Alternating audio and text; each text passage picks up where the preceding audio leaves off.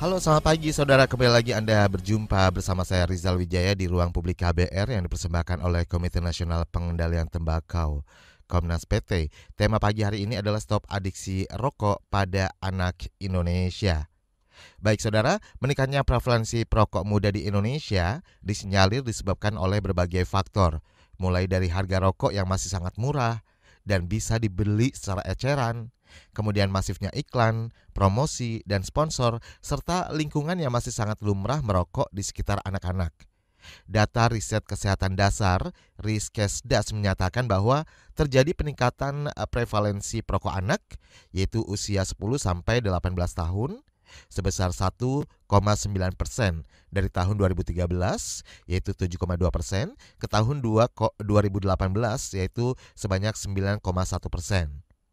Satu-satunya harapan penekanan prevalensi perokok anak ada pada regulasi peraturan pemerintah PP 109 tahun 2012 tentang pengamanan bahan yang mengandung zat adiktif berupa produk tembakau bagi kesehatan.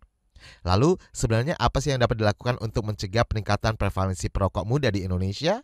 Dan seperti apa uh, revisi yang terjadi pada uh, PP 109 tahun 2012 kita akan perbincangkan bersama dua narasumber kami yang terhubung secara virtual pagi hari ini saya akan sapa terlebih dahulu yang pertama adalah Dr. Benges Saragi M. Epit Ketua Tim Kerja Penyakit Paru Kronis dan Gangguan Imunologi Kementerian Kesehatan RI Selamat pagi dokter Selamat pagi Pak Reza Wijaya Salam Selamat. sehat dokter Benget Ya, Pak. Baik, dan berikutnya uh, saya juga akan menyapa Dr. Piprim Basarah Yanuarso, SPAK, Ikatan Dokter Anak Indonesia. Selamat pagi, dokter. Selamat pagi. Sorry, masih jalan nih. Iya. Silakan. Salam sehat, dokter Piprim. Baik. Ya, selamat pagi. Assalamualaikum. Ya, masih on the way ya, Pak ya? Mohon maaf loh mengganggu waktunya Dokter Benge dan juga Dokter Pipin. Baik, dan yang pertama mungkin saya ke uh, Dokter Pipin Basarah Yanuarso terlebih dahulu nih. Uh, dokter, menurut Anda nih bagaimana pendapat IDAI mengenai tingginya prevalensi perokok anak di Indonesia saat ini? Karena uh, peningkatannya uh, lumayan signifikan ya Pak ya dari tahun ke tahun. Seperti apa nih Dokter Pipin penjelasannya? Ya, tentu saja kami dari Idai sangat prihatin sekali ya. Melihat kondisi ini makin tahun bukannya menurun anak-anak yang merokok bahkan jumlahnya makin banyak dan makin muda usianya ya. E, merokok ini kan banyak hal ya. Dia pintu pertama untuk masuknya zat aditif lain ya. Kemudian juga eh, dari sisi ekonomi keluarga ya. Ayah yang merokok kemudian bisa mengurangi jumlah uang belanja keluarga ya. Bahkan kemarin tuh saya lihat di salah satu minimarket anaknya disuruh beli rokok ya. Anak an anaknya suruh beli rokok bapaknya. Tapi kita kan nggak tahu nanti uh, seperti apa sebetulnya? Apakah benar buat bapaknya atau buat dia sendiri. ngerokok? Oke. Okay. nah tadi pagi nih ada kasus remaja yang uh, apa namanya? Kecelakaan lalu lintas uh, gegar otak patah-patah dan dalam kondisi mabuk. Uh, mabuk alkohol dan yang prihatin adalah tidak bisa ditanggung oleh asuransi jasar harja dan juga tidak ditanggung BPJS karena kecelakaan kan. Oke. Okay. Nah ini yang nanti jadi seperti apa? Karena Oke, okay. dokter, dokter Pipi, okay. ya agak, ya. ya agak tersendat tadi sinyalnya mungkin ya. Iya iya. Iya. Jadi tidak bisa di cover oleh BPJS maupun eh, jasa harja seperti itu ya. Ini kaitannya dengan eh, apa namanya perokok anak ini seperti apa nih dokter? Jadi eh, gini, bentar ya. Ini saya baru nyampe. Mohon maaf loh dokter. Jadi gini, rokok itu kan pintu masuk bagi eh, zat adiktif lain ya, seperti miras, narkoba. Biasanya dimulai dengan kecanduan rokok dulu ya. Nah, kalau dia sudah jadi perokok sejak usia muda, maka nanti akan sangat mudah kecanduan yang lain-lainnya, termasuk miras. Nah, tadi saya ungkapkan kalau anak-anak itu sudah kecanduan miras, kemudian dia menimbulkan perilaku-perilaku lain yang e, menyimpang ya, di antaranya mengemudi ugal-ugalan dan kemudian kemudian misalnya kecelakaan lalu lintas, ini keluarga sangat terbebani karena BPJS nggak mau nanggung, jasa raharja nggak mau nanggung, gitu. Ini kan harus diketahui oleh publik nih. Oke. Okay. Nah, ini kan istilahnya ya kesian betul keluarga itu ya kecelakaan butuh pemeriksaan butuh operasi segala macam nggak ditanggung oleh asuransi gara-gara anaknya mabok misalnya. Nah ini diawali dengan merokok dulu biasanya. Sebagai pintu gerbangnya ya. Nah, ya. Jadi kalau anak-anak masih muda dia sudah terpapar rokok, ini mau jadi apa gitu ya? Ini satu sisi.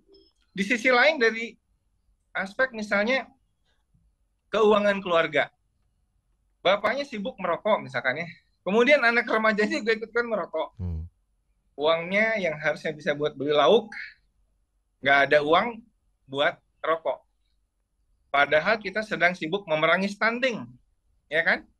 Angka stunting kita harus turun, katanya 14 persen 2024 nih, dua tahun lagi.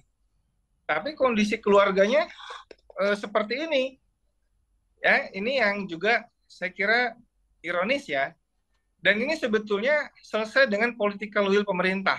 Ya, kalau kita tidak kalah oleh eh, tekanan dari industri rokok ya maupun eh, apa industri yang lainnya ya saya kira eh, bisa ini karena, karena kalau gini yang penting political will sebetulnya ya kami sih dari organisasi profesi kan ya cuma ngomong-ngomong doang ya hmm. himbauan himbauan tapi sebetulnya ini political will dari pemerintah mau apa enggak gitu kalau mau nurunin stunting eh ayo ini masalah masalah rokok masalah hmm. vape dibenerin dulu gitu ya jadi jangan kita ingin uh, kesehatannya meningkat tetapi yang begini-begini ini kita tidak ada political will untuk uh, apa namanya uh, melakukan regulasi. Jadi saya dukung revisi dari uh, regulasi ini ya supaya uh, bisa lebih mengendalikan. Ya. Oke, okay. ya.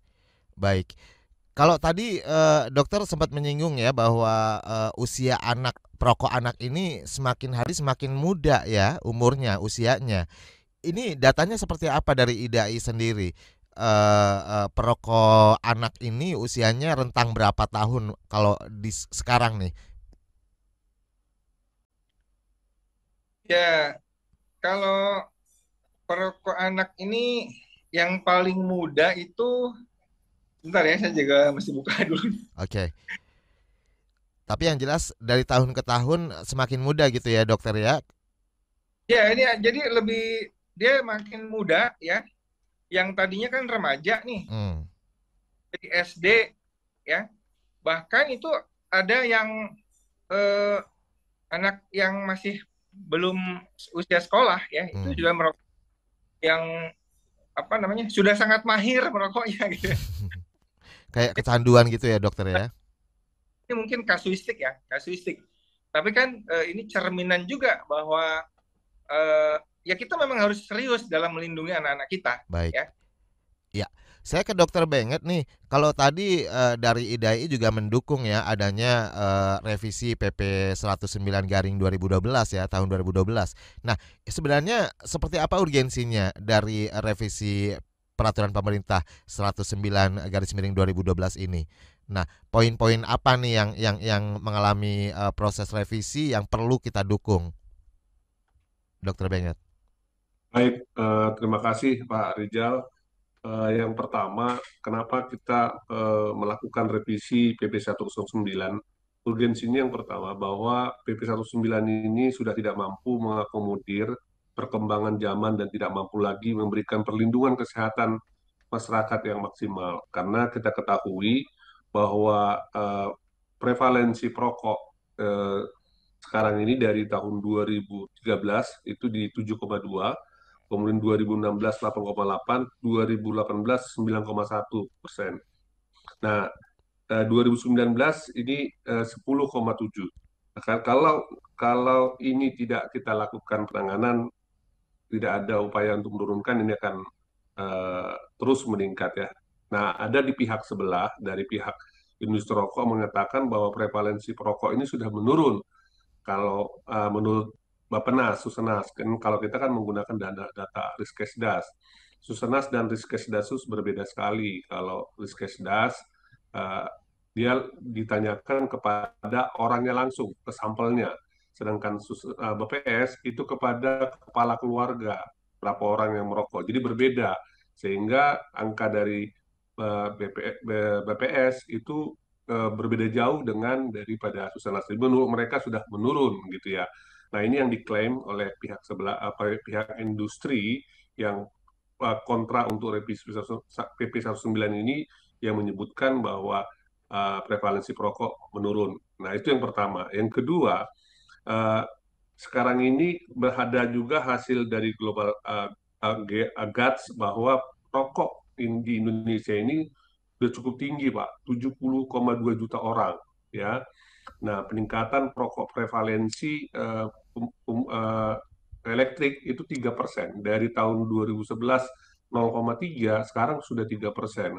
Artinya uh, ini sudah sangat uh, tidak mampu lagi uh, PP 19 ini mengatur. Yang ketiga dampak dari penjualan rokok eceran ya di di daerah juga tidak diatur oleh uh, pemerintah daerah ataupun di dalam peraturan pemerintah ini. Yang keempat terkait maraknya IPS, iklan promosi sponsorship di sosial media dan tidak ada juga diatur dan tidak mampu dilakukan take down.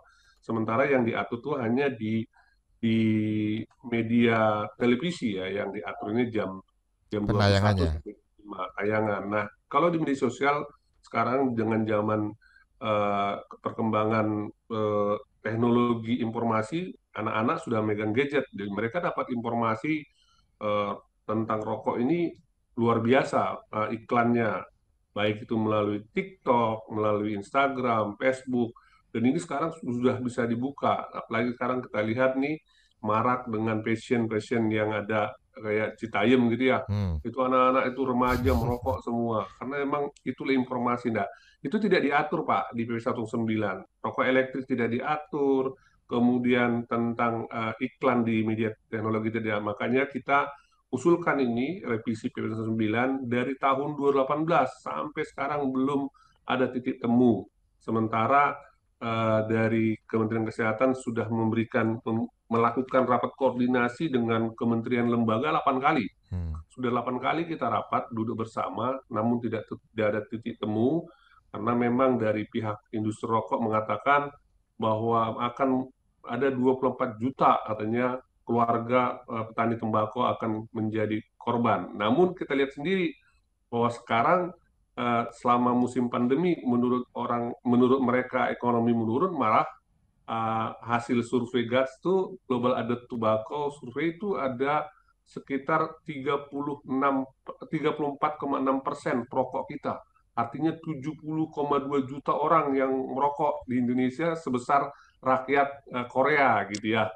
Nah ini uh, dan uh, jumlah pembelian rokok batangan juga cukup tinggi gitu loh. Maksudnya pendapatan mereka. Nah ini ini yang diklaim mereka kalau ini direvisi ini akan menghancurkan petani tembakau. Sebenarnya boleh kita perdebatkan, boleh kita diskusikan. Nah di dalam PP 109 ini kita sudah menyiapkan semua aspek uh, kenapa kita harus merevisi ada ada justifikasi justifikasi ilmiahnya dan praktek baik di beberapa negara hmm. yang sekarang sudah uh, kita sampaikan di dalam naskah akademis. Jadi di di 2021 itu eh, apa eh, Menseknek mengembalikan lagi izin prakarsa ini untuk dibahas lagi di tingkat kementerian dengan dilakukan kajian lebih mendalam dan uji publik dan ini sudah kami lakukan kami sudah mengusulkan kembali kepada uh, Kemenko PMK untuk dilakukan uh, pembahasan atau uh, duduk bersama dengan pihak-pihak untuk mengajukan revisi PP 19 ini agar bisa ya di, di disetujui karena okay. memang tadi urgensinya luar biasa pak. Baik. Peningkatan rokok di Indonesia cukup banyak dan uh, tadi juga dokter uh, Piprit menyebutkan bahwa usia perokok muda sekarang semakin uh, lebih muda lagi gitu Betul. gitu loh.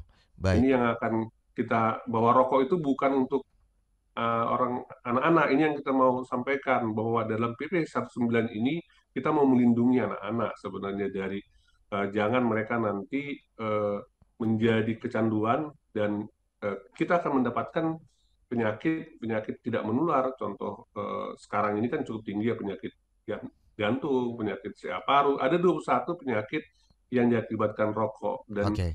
dan ini yang perlu kita kendalikan supaya bonus demografi kita di tahun 2045 ini tercapai dengan dengan sumber daya manusia yang sehat bukan yang cemas. Oke. Okay. Dokter Benget, ini kan prosesnya dikatakan tadi e, dari tahun 2018 ya proses revisi PP 100 109 garing 2012 ini ya.